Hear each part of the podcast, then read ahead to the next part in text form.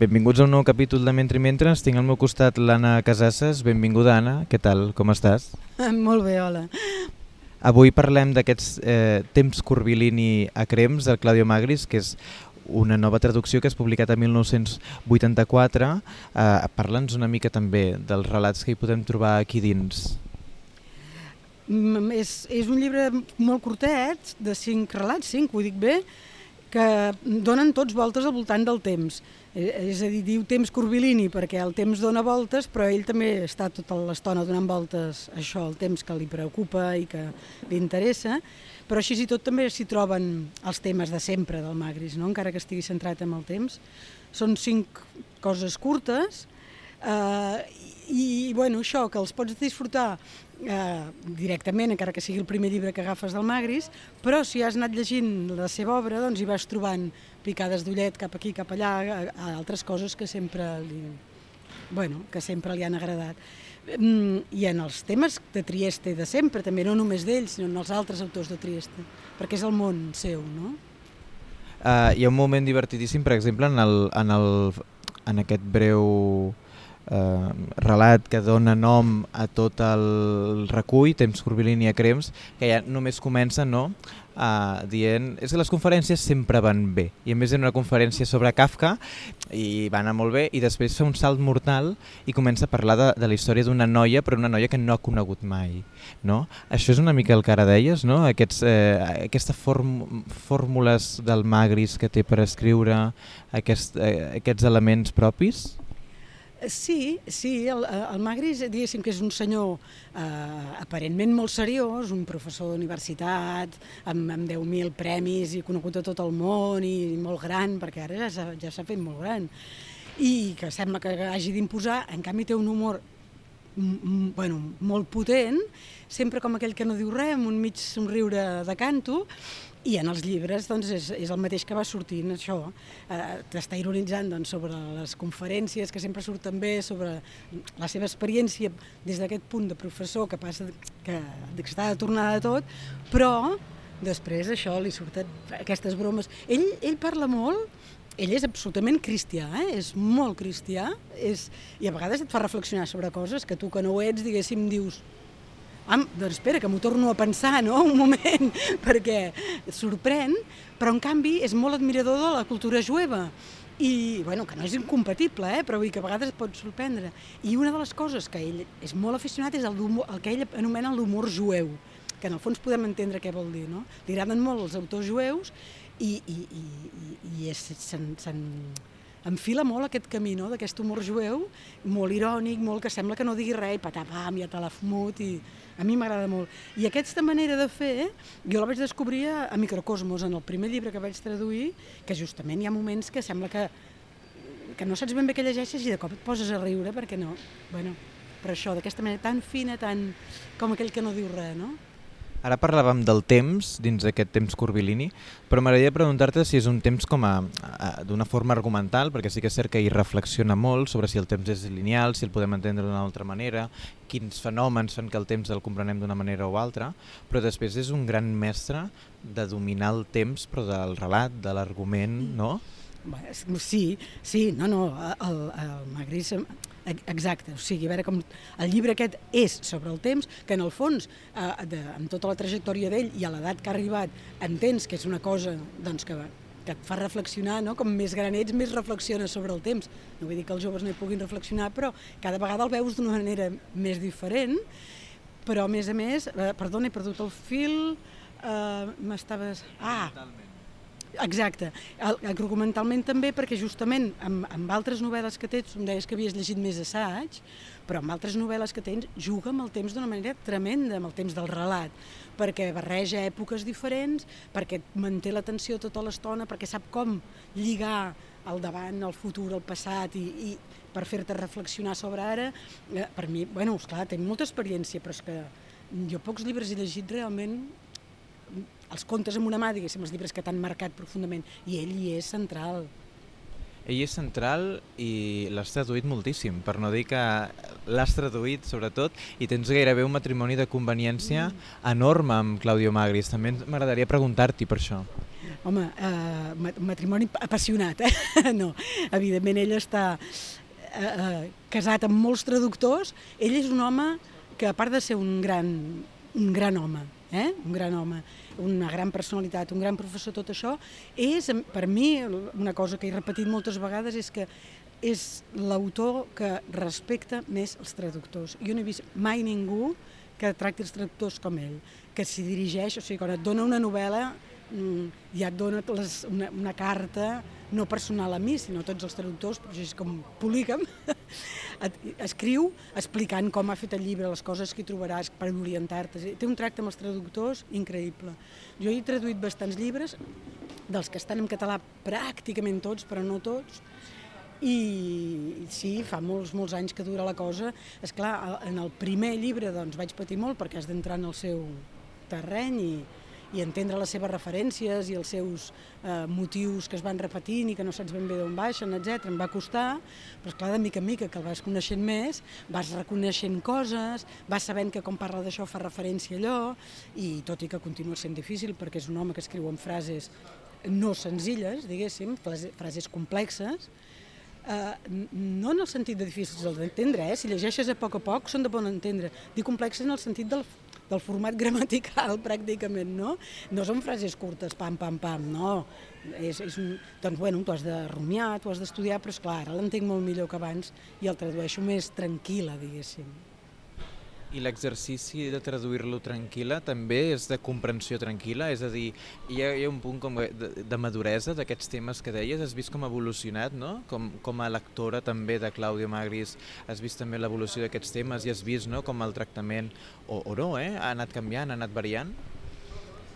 Uh, home, mm, diguéssim que els agafa diferent o que hi ha cosa, un tema que li interessa més a cada vegada o un altre, però eh, en el fons, per exemple, relats absolutament canvio, absolutament de ficció, com els quatre primers, o com els o com, com a mínim uns, es presenten els quatre primers d'aquest llibre, eh, jo no l'havia vist mai tan així, perquè en les novel·les de ficció, diguéssim que...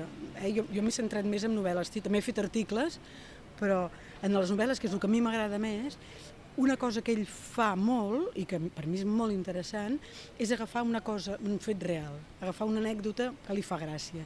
I a partir d'aquí és quan ell construeix tot el seu món. Doncs clar, el centre més cap una banda o cap una altra. És veritat que aquí hi ha coses, per exemple, el mar, els peixos, altres temes que a mi li interessen i que fa servir molt eh, simbòlicament, en aquest no hi surten. Eh, però sí que també hi surten a l'últim molt això, agafar un fet real i a partir del fet real eh, construir la seva, la, la, les seves reflexions. I això per mi té un valor tremendo, no? perquè t'ensenya a mirar la vida amb uns altres ulls. I pel que fa a Microcosmos, que és eh, on va començar tot, m'agradaria preguntar-te també no? com aquest començar de tot, però després des de l'aspecte més de, de la traducció, eh, com hi arribes, com, com comences a traduir, no? els primers llibres que tradueixes, els primers encàrrecs fa molts anys, qualsevol se'n recorda bé de, de tot, però sí, el Magris va ser molt al principi, eh, no sé, de, no va ser ni... No, no, no recordo eh, l'ordre, però diguéssim que eren els primers anys que traduïa quan vaig arribar al Microcosmos. Allà és on comença la meva relació amb Magris, ell ja feia, ja era un escriptor famós, i a mi em va costar molt d'entendre, eh, sobretot perquè no tenia la seguretat, és a dir, quan entenia una cosa, dubtava de si l'entenia, perquè, bueno, perquè ets insegur, perquè ets més jove, perquè jo què sé. I me'n recordo especialment a la primera plana, directament, comença amb una descripció del cafè Sant Marco, Trieste, que s'ha fet tan famós gràcies a ell, no? I comença amb una descripció simplement física del lloc. Però sempre amb aquesta ironia, i jo no sabia fins a quin punt l'havia de prendre al peu de la lletra o no, i pensava, aquí m'està dient que, que això és el camí per anar al vàter de, del bar i que, i que se li està escapant el pipí i que... Però, és clar, jo com m'atreveixo a dir que aquest home està parlant d'això, no? Evidentment jo no he de dir això, he de traduir el que diu, però has d'entendre què vol dir per estar segur que el que tradueixes no és un disbarat. I vaig començar a parlar amb italians, i tu què hi entens? I, bueno, unes construccions filosòfiques, i jo pensava, no, no, no, jo he de fer cas de la meva intuïció i em diu que se li està escapant el riu. I bueno, al final vaig fer-ho i, i quan al final el vaig poder conèixer li vaig preguntar i em va dir, home, i tant, i tant, què és això, no? Llavors, a poc a poc, doncs, vas agafant aquesta seguretat de dir no, he, he, d'estudiar molt bé el que ell ha escrit he de reflexionar molt bé gramaticalment les frases, etc i els diccionaris i tot, però sobretot la intuïció, no, no he de perdre la fe en la intuïció, no? Ara parlaves de l'experiència de conèixer el Claudio Magris, també. Com, com va anar aquella... Sí, eh, són unes jornades, no?, a Girona? Sí, eh, eh, jo ja hi havia parlat per carta, però conèixer-lo personalment el vaig conèixer a la Universitat de Girona, que el van convidar a fer un, una, una jornada sobre la seva obra i que hi, doncs, tant hi havia doncs, professors mm, que feien des del punt de vista doncs, d'això de professors teòric molt universitari, com la, va venir l'editora eh, la Valèria Bergali a parlar doncs, de la, perquè ella, havia, ella ha publicat coses de la seva dona, doncs, a parlar més de la relació professional, jo que presentava el llibre en aquell moment eh, havia, acabava de sortir a cegues i ell és un home encantador, però una cosa, o sigui, te n'has d'enamorar per força, és, és proper, és, és afable, és, és amable, és, és superinteressant com parla, és, és increïble, és, bueno, molt però en realitat jo ja hi tenia bastanta relació per carta, per això, perquè ell t'escriu, en general, a tots els, per donar-te eh, confiança i per ajudar-te, però a més a més te, mm, et dona la porta oberta a escriure-li, a preguntar-li. A... Per tant, la relació epistolària hi era i és un home, dic, posa totes les facilitats. Eh, parlant de la llengua, no? a nivell de llengua catalana, on has après la llengua catalana, si et pregunto això? Home, això s'aprèn quan comences a caminar, no? O abans. a casa, a casa, a casa l'aprens a casa. Després, naturalment, estudies si t'interessa o no, però, però el, el, el pou fondo jo crec que per mi ve de casa, evidentment.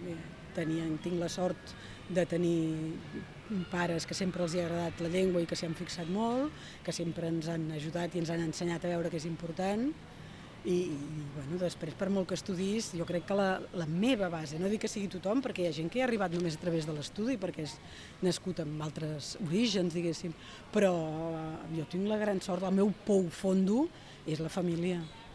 I quan parlaves d'aquests cinc llibres no? que, que et marquen, que, ah. els que acaben din, amb els dits d'una mà, mm. uh, i com hi arribes també? Són també de la, de, de la biblioteca que hi havia a casa? Són recomanacions? Són sempre hi ha una mica de tot. Eh, evidentment jo començo a llegir amb la biblioteca de casa, sí, perquè mai me l'acabaré, diguéssim, la biblioteca del meu pare encara només he llegit una petita part, però sí, és ell el que ens posa els llibres a les mans i el que ens compra llibres en català quan...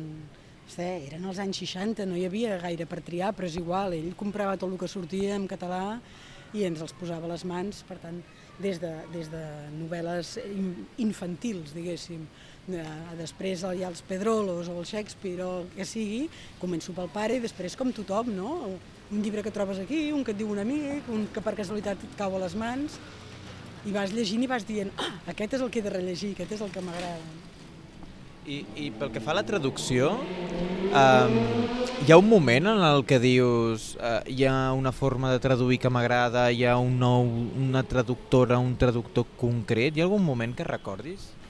Hi ha un moment que recordo, el, el primer moment que recordo, però que jo no havia pensat mai, eh, ser traductora, ni en aquell moment tampoc no ho vaig pensar, eh? O sigui, era un... un uh, no, ara no sé si devia tenir 14 anys o 15, no me'n recordo. Uh, bueno, el, el pare també sempre havia donat molta importància als traductors, és a dir, ens deia, llegiu això, però vigileu amb qui, etc. O mira això, que és d'un bon traductor. Però bueno, t'ho diuen i tu ho sents, però no. Però que jo m'hi fixés va ser en el moment en què vaig llegir Hamlet del Magí Morera i Magí Morera i Galícia i, i, i ho llegia i era tan bonic aquelles paraules, tan bonic, que me'n recordo llegint en veu alta i tornant a llegir les frases, dient, però, però aquest, sí, no, no deia, oh, Shakespeare, que bo, deia, oh, aquest home, que és bonic això que ha escrit, i pensàvem en Magí Morera i Galícia.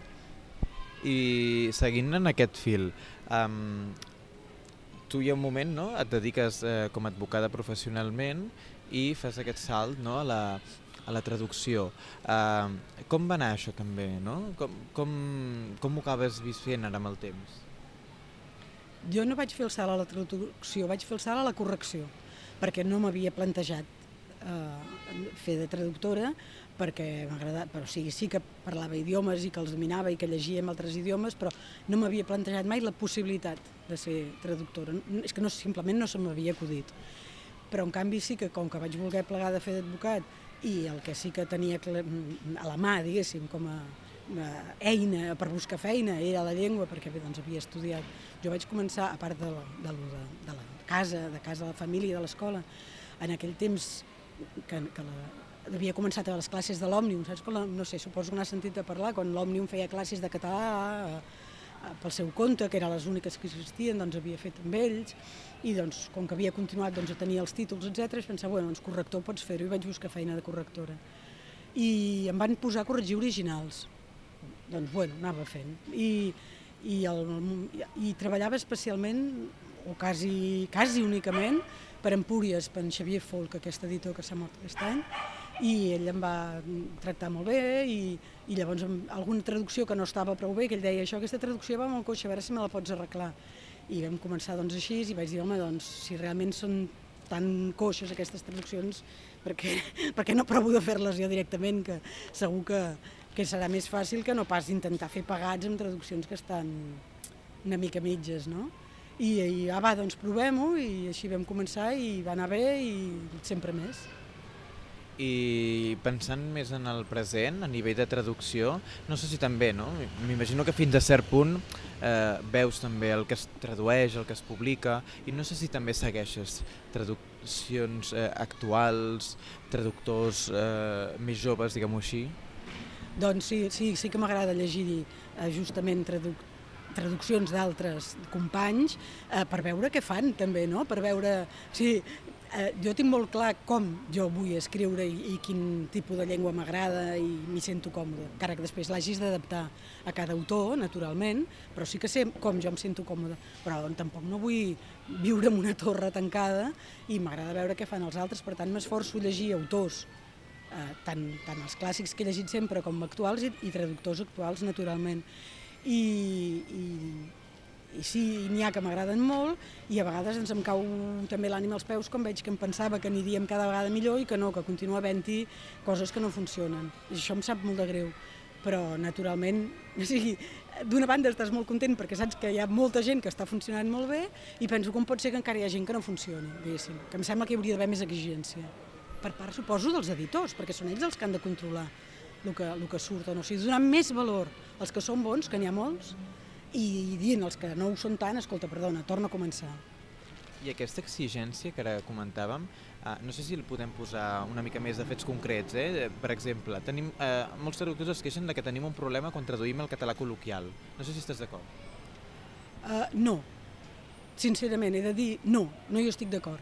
Crec que ens demana un esforç molt gros, això sí, que ens demana un esforç suplementari per trobar, eh, o sigui, no podem eh, no ens surt espontàniament eh, directament les solucions fàcils perquè com que ens hem d'alimentar del que hi ha al voltant hi ha molt mal parlar al voltant. Però si ens esforcem jo crec que tenim eines de sobres per fer un català, català col·loquial eh, genial, però és clar demana un esforç d'haver llegit molt, de, de, de buscar eh, moltes solucions, de, de sortir de Barcelona i anar a pobles on, i llocs on tenen catalans perfectes, bueno, doncs sí, demana més esforç, però amb esforç podem fer això més i tot. I, i tornant a això de, pel que fa a l'exigència, no? Uh, per les noves generacions, no? que sembla que, que el debat de la llengua ha quedat com esta, establert en un espai no? que tothom en parla, però no queda massa clar eh, gairebé a nivell de reptes. I ara tu parlaves, un repte per exemple seria, no? ara podríem dir, eh, aquesta exigència pel que fa a nivell editorial, no? pel que fa a la llengua. Quins altres reptes penses? Perquè potser també en seria un, però a nivell més d'escriptura de, catalana, de, a nivell de, de, de creació de llengua. No sé si també en penses tu també pel que fa a noves publicacions en llengua catalana actual. No sé si t'entenc prou bé, no sé si t'entenc prou bé. Uh, la creació jo no m'hi fico, perquè jo no sóc escriptora creadora, diguéssim, i per tant no m'hi fico. Uh, és, és un tema complicat i, i et dic, no, no, sé, no, no sé en què es troben, però jo crec que si la, la gent està... A veure, el que tothom sap i és evident, i els escriptors ho tenen claríssim, és que per escriure s'ha d'haver llegit molt a mi el que em desespera és quan veus textos, o sobretot llegint a vegades originals que m'han fet llegir així, de dir, però aquest home no ha llegit, bueno, aquest home, aquesta persona, el que sigui, eh? vull dir, no, no personalitzo sobretot, però eh, s'ha d'haver llegit molt i s'ha d'haver llegit actual, s'ha d'haver llegit antic, s'ha d'haver llegit eh, altres idiomes i, i, i el món de la creació és infinit. Ara, eh, per mi hi ha una, una sola causa clara, és les normes es poden trencar només si les coneixes molt bé.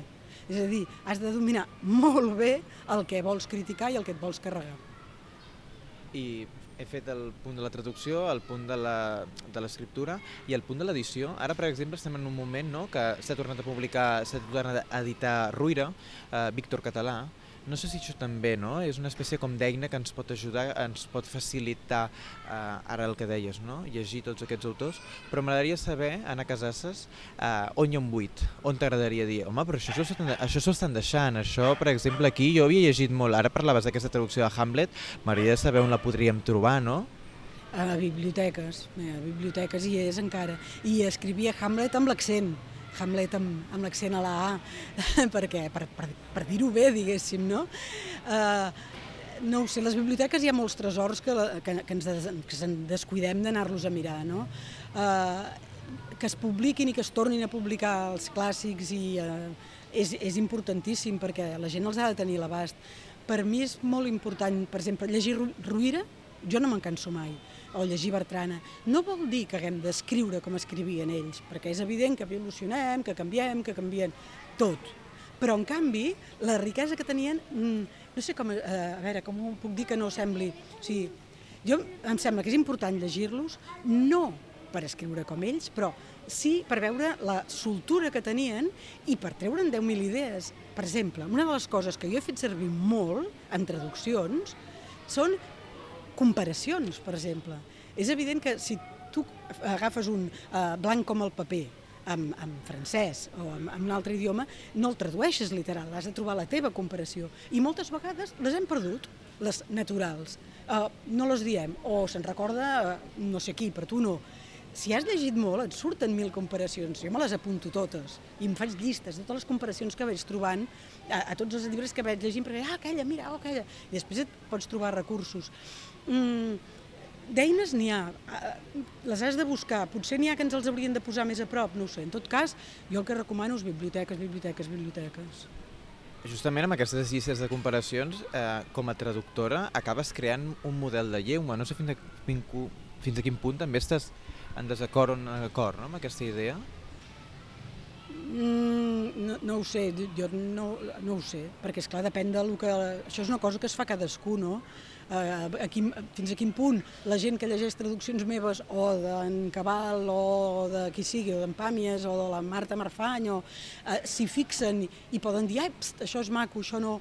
I, jo això sí que no ho sé, eh, perquè la recepció, diguéssim, ni de les traduccions ni de les altres obres mm, no sé quina és, diguéssim, no tinc ni idea. Sí que faig moltes vegades clubs de lectura que em demanen en biblioteques o, o a vegades en instituts o així, i llavors és molt maco justament veure com ho han llegit i què han trobat. Oh, aquella paraula no la sabia, o que bé, uh, a vegades he fet alguna... Me'n recordo un dia, uh, no sé, no sé quin poble era, però per Lleida, que bé trobar escrit això, perquè aquí ho dieu i no... I amb totes les traduccions de barcelonins, que és mentida, eh? però bueno, ells el que van dir, uh, no ho trobem mai, veus? I pensar, doncs mira, jo ho dic perquè ho dic a Girona, però uh, no sabia que Lleida també ho deia. O sigui que també és maco, no?, que la gent eh, trobin la seva manera de parlar i, i, i fer coses amb la gent per saber exactament com és la recepció i què, què han apreciat o no. I si aprenen coses noves, doncs encantada. Però justament és veritat, eh, això que aquest va dir, eh, que els traductors a Barcelona... No, o sigui, justament hi ha quantitat de traductors d'orígens molt diversos i jo crec que això és bo per la llengua, no? perquè justament tothom aporta el seu gra de sorra i entre tots ho hem de fer que la llengua sigui prou rica. Si ens limitem a la llengua d'un lloc cagada. Ara diem, eh, hem parlat de Claudio Magris, que és aquesta novetat editorial de 1984, però n'has publicat més, no? Has publicat a Periscopi, has publicat també um, a Tigre de Paper, has publicat a Raig Verd, una revisió de l'Albert Camus. Com va ser? Com va anar aquesta revisió de l'Albert Camus? També m'agradaria preguntar-te. Ah, doncs mira, justament parlant de models de llengua, veus? Això és una traducció que van fer, bueno, diu Fuster Palacios, en realitat és una traducció de Palacios amb, una, amb supervisió del fuster, això és el que diuen els estudiosos, eh? jo no, no ho sé, però és el que, el que, la, la informació que m'ha arribat i jo simplement he buscat si hi havia doncs, algun error, alguna llacuna, el, hi havia algun petit error de comprensió, algunes traduccions massa literals que feien les frases difícils d'entendre i simplement el que he fet és ordenar-les una mica perquè fos eh, més entenedor, però el model de llengua no l'he canviat gens, gens ni mica. I aquesta traducció té molts anys i és perfectament vigent, perfectament entenedora. O sigui, a vegades tenim una mica de prejudici de que hem canviat molt i que som molt moderns. No és veritat. A veure, és, és que seria absurd que no entenguéssim la llengua del segle XX i ni que no entenguéssim la del segle XIX. Naturalment que la podem entendre perfectament i és la nostra i que, i que eh, tot ens alimenta eh, doncs això, que amb aquesta traducció el que he fet és aquesta revisió absolutament respectuosa, simplement allà on ells eh, doncs, fallaven una mica, doncs arreglant-ho, però sempre pensant els amos de la traducció són ells. Doncs amb aquesta última darrera pregunta ja acomiadem l'entrevista. Esperem trobar-te més a les llibreries amb noves publicacions que segur que com hem vist en aquesta setmana de llibre en català la cosa continuarà i continuarà de valent. Sí, sí, no, i s'ha de viure, s'ha de treballar molt per viure i vinga, que mentre vagin sortint traduccions i llibres bons, continuarem llegint amb moltes ganes. Doncs moltíssimes gràcies, Anna, per rebre'ns, per explicar-nos tot això i res, ens trobem i llegim molt. Gràcies a vosaltres. Adéu.